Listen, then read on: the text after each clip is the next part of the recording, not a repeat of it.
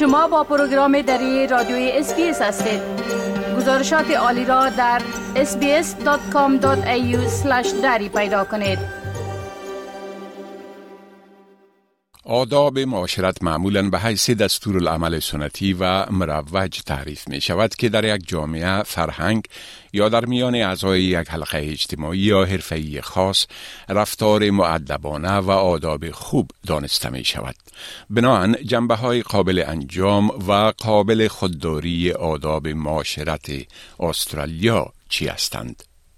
استرالیا به حیث یکی از متنوع ترین و چند فرهنگی ترین ملت های روی زمین اکنون چنان فرهنگ منحصر به فرد و قوانین آداب معاشرت را ارائه می دهد که ماهیت متنوع نفوس ما در آن مدغم شده است. در حالی که بعضی از جنبه های آنچه را که در استرالیا آداب خوب دانسته می شود می توان با آسانی تشخیص داد اما قوانین غیر کتبی زیاد هم در مورد آنچه مؤدبانه مناسب یا با ادب تلقی می شود وجود دارند.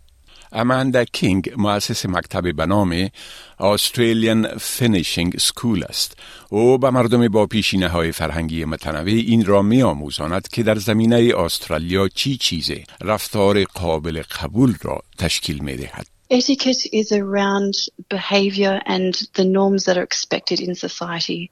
And to have good etiquette is purely down to quite a few very simple principles, and that might be around our appearance and our general attitude, which constitutes our image. با این حال خانم کینگ میگوید که در استرالیا آداب معاشرت خوب به محیط و شرایط به خصوص شما بستگی دارد. We found that being in Australia we're a bit of an anomaly where we are demographically and culturally a bit of everything from around the world. So we have English as a base, but culturally we also include the European and Americanisms. So we are we are one on our own, but we're also part of the world. So we're educated in all different facets from all around the world. And what we teach is really the unspoken and an expectation in society خانم کینگ هشدار می دهد که موانع زبانی و های فرهنگی ممکن مهاجرین را که تلاش می کنند وارد حلقه های اجتماعی یا حرفه‌ای شوند با مشکلات مواجه بسازد.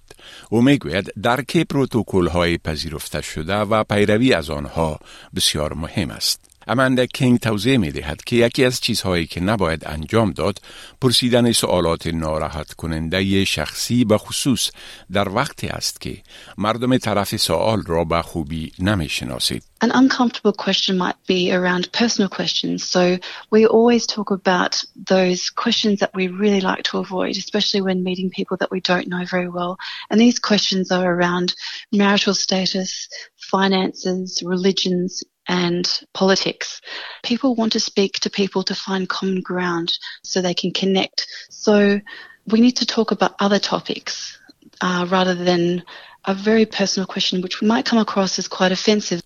با در نظر داشتی این که هر فرهنگ در رابطه به آنچه مناسب یا نامناسب تلقی می شود میارهای متفاوت دارد.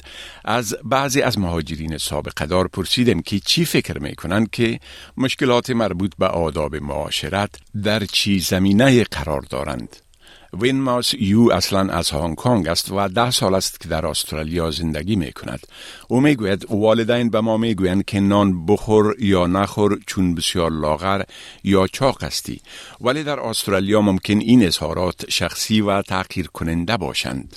One example would be if we have parents or grandparents telling us, okay, you should eat more or you should eat less because you look fat or you look thin.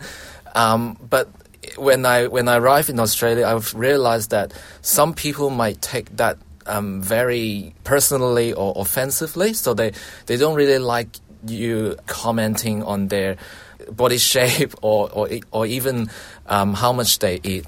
سارا اصلا از مراکش و پانزده سال است که در استرالیا زندگی می کند. او می گوید این را درک کرده که سوالات مختلفی که در زمینه فرهنگی او قابل قبول است در استرالیا بسیار ادبانه تلقی می شوند. If a couple gets married for more than nine months and the baby is not there, people ask him why or ask the lady why, is there any problem? Have you seen a doctor? And I think this is so inappropriate here. با گفته سارا سایر سوالات تحریم شده و ممنوع مانند سوال در مورد امور مالی شخصی غیر معمول نیستند. در بعضی از فرهنگ های عرب این غیر عادی نیست که شخصی از مردمی که به تازگی با آنها آشنا شده اند در مورد وضعیت تحولشان سوال کند. فابیولو کمبل 18 سال است که در استرالیا زندگی می کند او که اصلا از ونزویلا است شبکه زنان مهاجر حرفه‌ای را در سال 2019 تأسیس کرد Yeah, especially the person is more than 25. There is a problem. yeah, if she's not married. And yeah, definitely they do ask her why. And uh, if she's married and she doesn't have babies, absolutely there is a problem somewhere and we have to fix it. And they ask her even who is her doctor? Or she should change her doctor هدف این شبکه راهنمایی و توانمندسازی زنان خارجی است که در صدد ورود به بازار کار استرالیا هستند.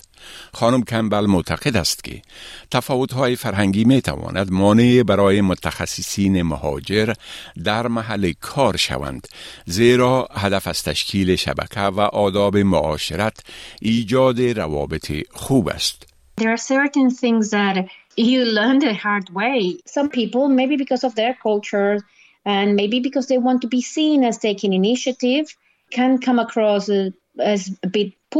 خانم کمبل توضیح می دهد که یک استراتژی خوب در هنگام تشکیل شبکه این است که با امور مردم دیگر مداخله نکنید و به خاطر برقراری ارتباط حرفه‌ای قبلا محترمانه رضایت آنها را به دست بیاورید.